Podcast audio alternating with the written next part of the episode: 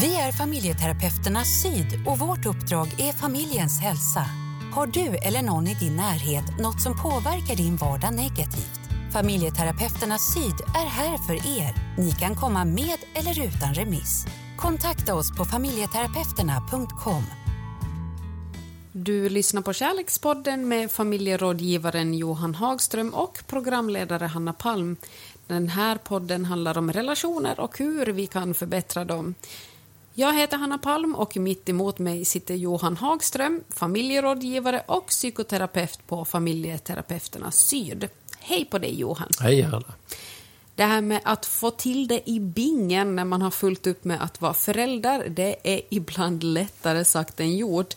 Och det finns säkert ett och annat par där ute som har svårt att få till det. Därför ska vi se om vi kan komma med lite tips och råd att få till det när man är småbarnsförälder. Johan, skulle du säga att det här är ett vanligt problem, att intimiteten den dör ut när man har barn som kräver mycket tid och uppmärksamhet? Eh, kanske inte att den dör ut, men att den blir kraftigt eh, minskad i omfattning, frekvens. Mm. Och är det liksom, är det just i början när barnet är liksom att man är ett nyfött barn som på så sätt kräver mycket uppmärksamhet eller är det också när barnen är lite äldre som man har problem med att hitta tillbaka till varandra i, i sexlivet? Ja, alltså det kan vara det, det, är lite olika anledningar i de här olika perioderna. Eh, när man har ett nyfött barn så finns det ju en rent eh, anatomisk eh, anatomin är förändrad, själva, själva mm, kroppen är förändrad för kvinnan och eh, eh, det kan också psykologiskt inträda en, en, en avtändning för mannen, att kvinnan har förändrats, fött ett barn.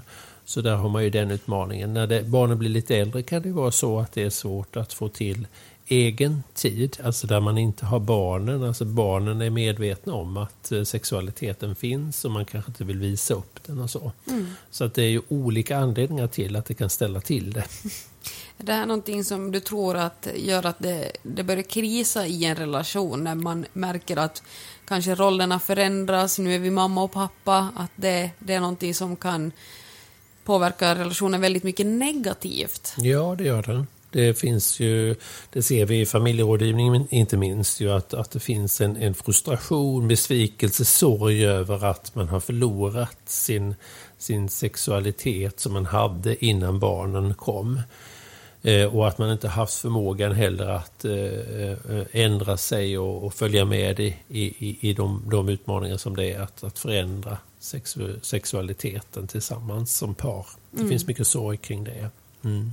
Och hur, eh, hur vanligt är det då att man liksom söker hjälp för det här? För jag tänker att man är ju säkert så himla inne i att just vara då kanske främst småbarnsförälder så att det finns ingen tid eller ork att varför ska vi ta tag i det här? Men hur viktigt är det att man ändå gör det, att man tar tag i det? Ja, det kan vara avgörande för om man kan fortsätta som familj eller inte.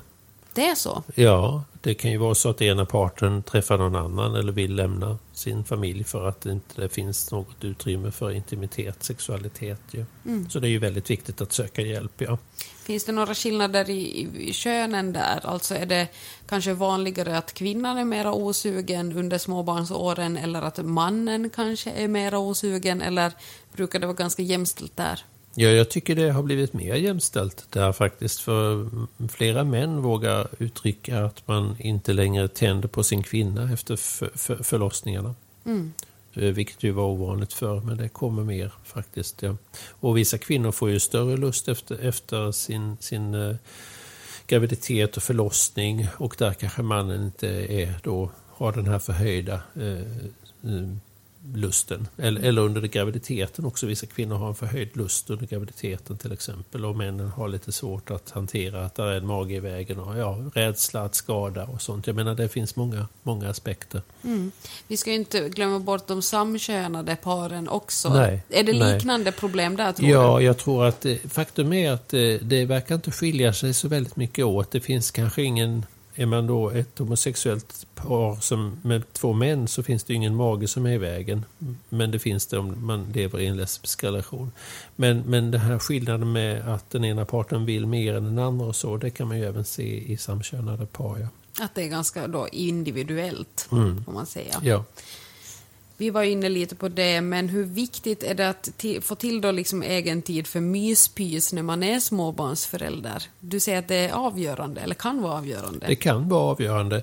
Eh, ja, alltså man brukar ju lite skojsamt säga att eh, farmor och farfar ska passa barnen eh, en weekend för att det unga paret ska få rå om sig själva lite grann och åka iväg på något hotell. Eller någon. Nu, kan man ju inte, nu kan man ju i dessa tider inte göra det så mycket, men om man bortser från denna tillfälliga historia nu med covid-19 och så, så så man bör ju lite skojsamt säga det att nu ska de få en minisemester, det, unga paret här då. Och det handlar ju mycket om att man ska kunna närma sig varandra som par. Sexuellt till stora delar, men också det här att ha det mysigt och få prata med varandra igen och, och gå och hålla varandra i handen, bli lite romantiska. Ja, Det behöver inte vara liksom, eh, fokus på pang på den berömda rödbetan. Nej, fast förhoppningen är väl att det ska leda till i alla fall något trevligt i den, den vägen. Om det nu är det som, som är svårt att få till då med barnen. Du lyssnar på Kärlekspodden med familjerådgivaren Johan Hagström och mig som är programledare, Hanna Palm. Den här podden handlar om relationer och hur vi kan förbättra dem. Vi kan börja med den allra första tiden som nyblivna föräldrar. Det är ju inte helt ovanligt då att det är svårt att komma igång med samlivet när man har fött och fått barn. Vad kan det här bero på? Vi var inne och snuddade lite vid det, men vad är det som gör att det är det här att ta steget? För nu är det kanske att det har tagit tid, liksom kanske veckor, månader, sen man senast har varit intima med varandra. Vad är det som är så svårt att uh, ta tag i det. Det är ju inte för alla, men för somliga kanske, kanske det är svårt. Mm. Ja, som jag var inne på så är det en omställning för paret. Eh, man ska erövra ny, ny kropp, eh, en ny sexualitet. Eh, och mycket eh, uppmärksamheten är på, för mamman i alla fall, i första eh, tiden på barnet. Det symbiotiska förhållandet man har som förälder där till sitt barn. Om man ammar till exempel eller är den som ger vällingen via flaskan. Då har man också det här avståndet som är väldigt avvägt mellan förälderns ögon och barnets ögon. Och där en väldigt stor del av anknytningen också bör, äger rum ju. Alltså hur barnet sen kommer att hantera närheten och distansen i relationer. Och den tiden brukar man ju prata om att kvinnan då oftast, eller den här eh, vårdnadshavaren som har den här närheten till barnet eh, är ju upptagen av någonting som, som inte får störas där. Mm. Och då kan det vara svårt för den andra partnern att härbärgera de här känslorna av att vara eh, inte så intressant. Alltså bli avvisad. De blir mer en servicestation, springa och hämta vatten, eh, byta blöja och ta hand om lite nattvak för att den andra föräldern då, som har, har den här nära relationen ska få vara i den bubblan ett tag. Men sen är det dags att börja bryta den. Så man brukar ju prata om att man ska locka på sin, sin partner runt 5 till 7 månader. Ska man, om inte det har skett något innan dess så ska man verkligen börja och ropa och kalla och förföra och locka och pocka. Ja. Som lockar på en katt. ja, det kanske funkar för vissa. Kan det finnas någon slags svartsjuka, till exempel då om mamman eh, ja, men har det här liksom mycket, mycket närhet med, med bebisen och att pappan kanske stängs, eller den andra partnern då kanske stängs ut väldigt mycket. Kan det finnas en svartsjuka där Ja, den det andra kan, partnern? ja, det kan. eh, Konkurrens handlar det ju om eh, och avund. Eh, Och svartsjuka kommer ju ur just de här två stora viktiga mörka krafterna som vi benämner konkurrens och avund. och eh, det behöver man hantera som jag var inne på innan då som partner. Eh, Men svartsjukan är ju då illavarslande om den inträder för att då, då tänker man ju sig att man, man kan bli ersatt. Och det är klart, det finns ju vissa föräldrar som har den här nära symbiotiska relationen där som faktiskt eh, utmanar så mycket så att man, man leder in i att, att, att man värderar mitt barn är mer värt än dig, och sådär, eller vår relation. Eh, kanske man då också har velat bli med barn i, i, i, i det här förhållandet för att få ett barn, att det är prio nummer ett. Då kan man ju förstå att svartsjukan faktiskt inträder och är aktuell. Ju. Men, den, men man ska se upp med den, man behöver jobba med den, tänker jag. Jag har hört om nyblivna mammor, eller ja, mammor överlag, som har fått barn, att det, det kan bli att förhållandet med sin partner ändras på så sätt att man känner att ja, men, min kärlek till mitt, till mitt barn är så stark att bara, ja, men, jag, jag älskar inte min partner ens i närheten så mycket eftersom mm. då kärleken till, ett, till, till, sitt barn är liksom större än allting annat. Kan mm. det bli liksom någonting som förändrar relationen? Att man känner du kommer inte ens i närheten av den här kärleken. Ja, det, det, har ju redan förändrat relationen, bara mm. man känner det. Men där ska man ju vara medveten om att det är egentligen den symbiotiska situationen man är förälskad i. Det, det, är inte barnet som, som, som individ utan det, det, är alltså den situationen man är i. Den är ganska så um, paradisisk, alltså den liknar ju det fullkomliga på så vis att uh, man har allting. Men barnet har ju kärleken, värmen, doften, bröstet, maten, eh, mm. vi, vilan, tryggheten blir bytt på. Alltså den har ju allt. va. Och mamman får ju också hormoner och ämnen i kroppen som gör att hon mår bra. Hon, hon mår bra om inte hon blir störd. Och hon kommer ju bli störd. va? Om mm. inte det är partnern så kommer hon bli störd av att inte hon orkar till slut. Att vara vaken på nätterna och bara vara till för att tanka mat och vara i den här värmen då. Mm. Eh, gosigheten där. Så den tar ju slut. Va? Alltså, eh, så att jag tror man blir förälskad i, i den situationen. Den, den, den eh, paradisiska tillvaron som är kanske ett par månader. Mm. Så man får, mm. man får sitta, med den. sitta lite lugnt i båten. Ja. ja, man kan vänta ut den också. Det kan man göra. Ja. Man kan tänka på att det är tillfälligt. Liksom, mm. och njuta av, man ska njuta av den, ti den tiden, för den är så kort. Trötthet, ja det är ju säkert någonting som präglar många föräldrars liv, kanske då speciellt de första åren. Sen kommer det väl tillbaka när barnen är tonåringar och ute och ränner. Men just under småbarnsåren, eh, hur, hur ska man ens orka ha ett samliv med sin partner när man är så himla trött? Ja, är samlivet så krävande? Jag tänker på att en mysig stund kan ju innehålla, innehålla petting. Man kan ligga och, och klämma och känna på varandra och, och, och ligga nära, ligga sked, eh, somna ihop mm. om man nu kan det. Liksom. Eh, vakna tillsammans och sträcka ut en hand och känna lite grann på varandra. Alltså, vad är det? Är det samliv? Är det sexualitet? Är det, är det intimitet? Jag tänker mig att vi, vi, får ju, vi får ju kanske tänk, pratar om, om det utifrån vilken nivå. Va? Mm. Eh, sen det här avancerade sexlivet där man hänger i takkronorna och sånt, det kanske inte man orkar med ju. Nej. Nej.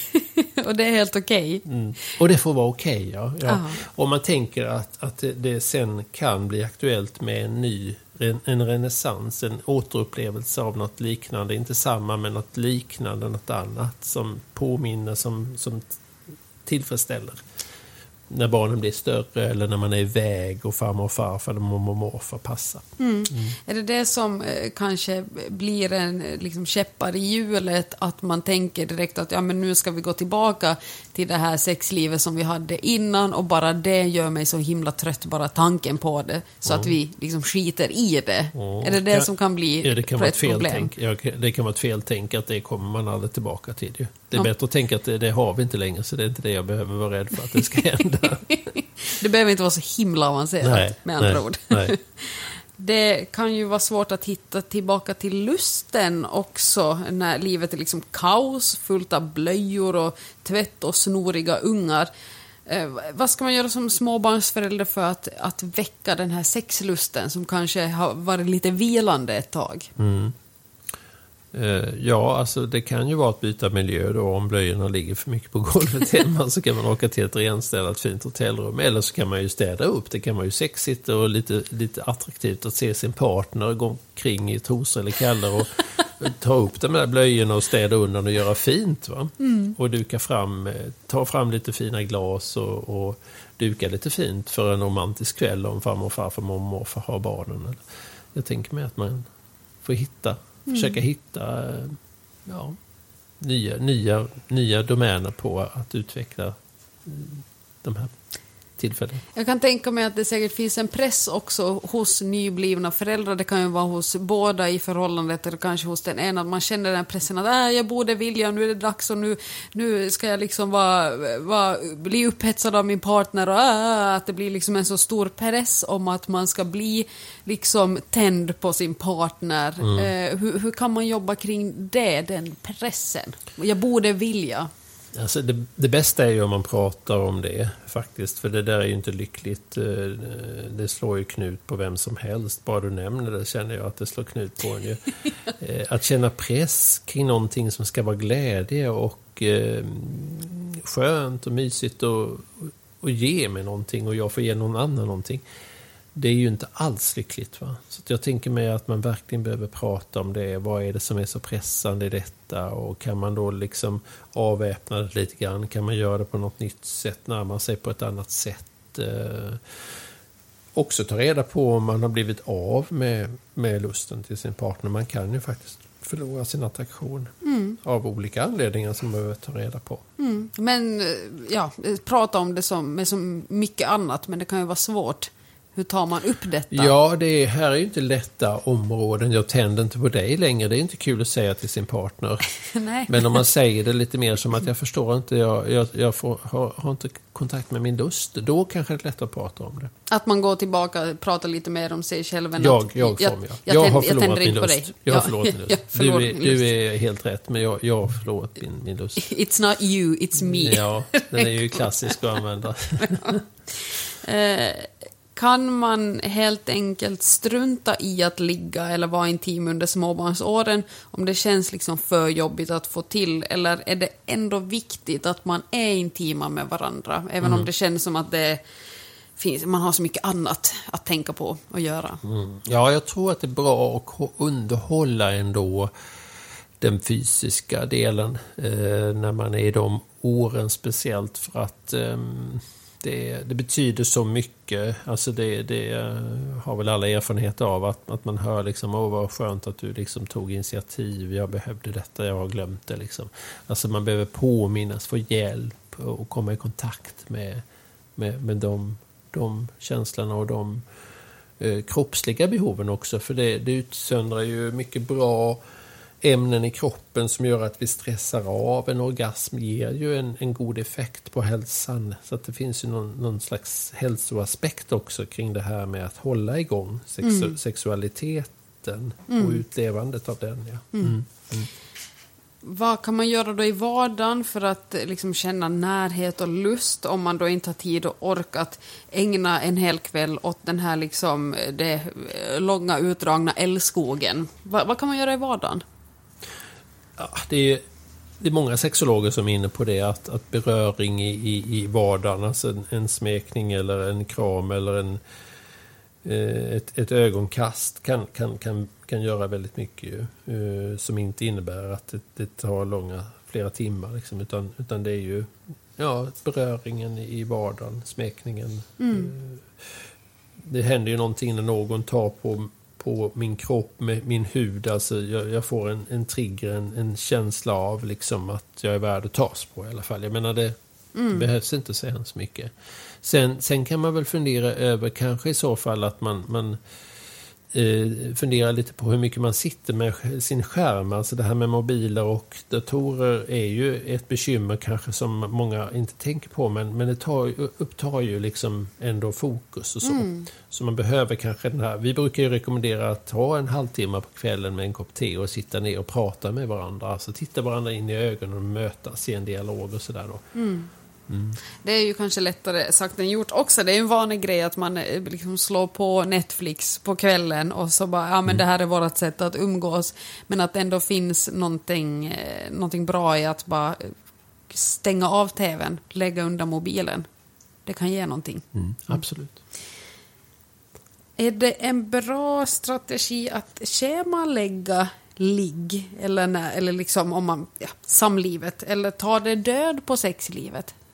Det kan vara ett sätt att komma igång. Eh, då, då väljer man inte utifrån eh, vad jag vill just nu utan nu gör vi det. Eh, det kan vara ett sätt att komma igång mm. efter en lång, lång tids uppehåll. Mm. Mm. Men det är ingenting som kan ta bort det här liksom det sexiga och spontana och liksom vara skadligt på, på längre sikt. Utan det kan finnas någonting positivt. Ja, man får ju se upp så man inte hamnar... eh, De par som har fått jobba mycket med att bli eh, gravid, eh, få bli med barn, de, de har ju berättat kring, kring hur det här har förstört, riskerat att förstöra i alla fall, deras sexualliv. Att man har fått pricka in exakt då när, när det är dags för, för befruktningstillfället. Ehm, och det är inte det jag pratar om egentligen när det gäller det här med, med, med schemaläggning. Utan, utan schemaläggning handlar ju mer om att komma igång, få igång så att säga den egna, eh, eh, få kontakt med sin egen lust egentligen handlar det om. Ju. Så man får ju vara lite observant där så att inte det känns för schematiskt planerat, tråkigt. Vi Men ska att göra det för att ha gjort det. Check. Men då kanske man har lite tid också på förhand, att man vet att ja, men på torsdag eh, klockan åtta när vi har lagt barnen, då så ska vi ägna åtminstone 20 minuter åt nå någonting. Att man då kanske har lite tid att så gå och eh, ja, men tänka, ägga igång sig själv, fantisera. Ja. Det, där kan det finnas någonting positivt i det kanske. Och, och, om, det är, om, det fyller, om det kan hjälpa till att, skapa den, den eh, eh, funktionen i sexualiteten. För sexualiteten sker ju mestadels här uppe i hjärnan. Och, och då har det ett syfte, då fyller det sitt syfte menar jag. Om, och tänka att man planerar in. Mm.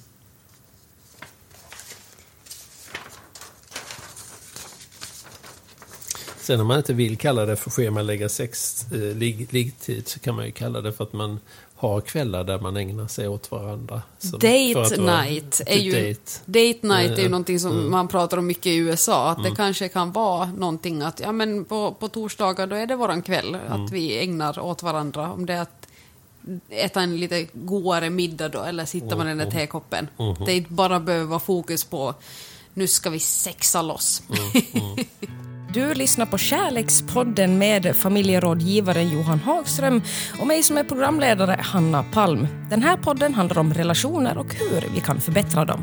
Ett litet tabubelagt, eller kanske ett väldigt tabubelagt eh, ämne eller fråga är om det är okej att vara sexuellt intim om det är så att barnet sover i samma rum. Då tänker jag att det är kanske väldigt små barn som det handlar om. Hur ska man tänka där? Ja, det är nog många par som kan berätta om att man har haft sex medan det lilla barnet ligger och sover i sängen bredvid. Det är ju inte den typen av sexualitet där man lever ut eh, hela sin repertoar. Eh, det är det ju inte. Utan det är ju myssexet, det stilla eh, mm, romantiska sexet, om man nu ska eh, dela in det. Ehm, Så att det är inte avancerade sexlekar man gör när man har ett litet barn intill sig. Barnet blir ju förfärat om det skulle vakna. Eh, För den, den, den kan inte förstå vad det är som, som, som försiggår. Den, det är inte någon fin stund när man tittar på det som barn. Nej. Men det är, kort sagt så kan man ändå säga att det är, man utsätter inte barn för misshandel om det är så att man bara ligger och myser lite tyst medan barnet sover. Nej, och gnyr man till och, och, och råkar ge något ljud ifrån sig så klarar barnet det också. Men det är väl de avancerade sexlekarna som barnet inte skulle kunna riktigt se som någonting kärleksfullt och, och, och fint och, och, och, och se, eller få vara åskådare till. Ja. Mm. Om det är okej att använda skärmen som barnvakt och låta barnet titta på tecknat medan man eh, gör annat, det är ju väldigt omdebatterat. Vi har ju pratat lite om det här i tidigare avsnitt, men är skärmtid något man kan använda för att få till en liten snabbis eller liksom, finns det något dåligt med det här att man sätter barnet framför eh, något barnprogram medan man då smiter in i sovrummet och eh, har lite rajtan-tajtan? Eller får man använda skärmtid till det här?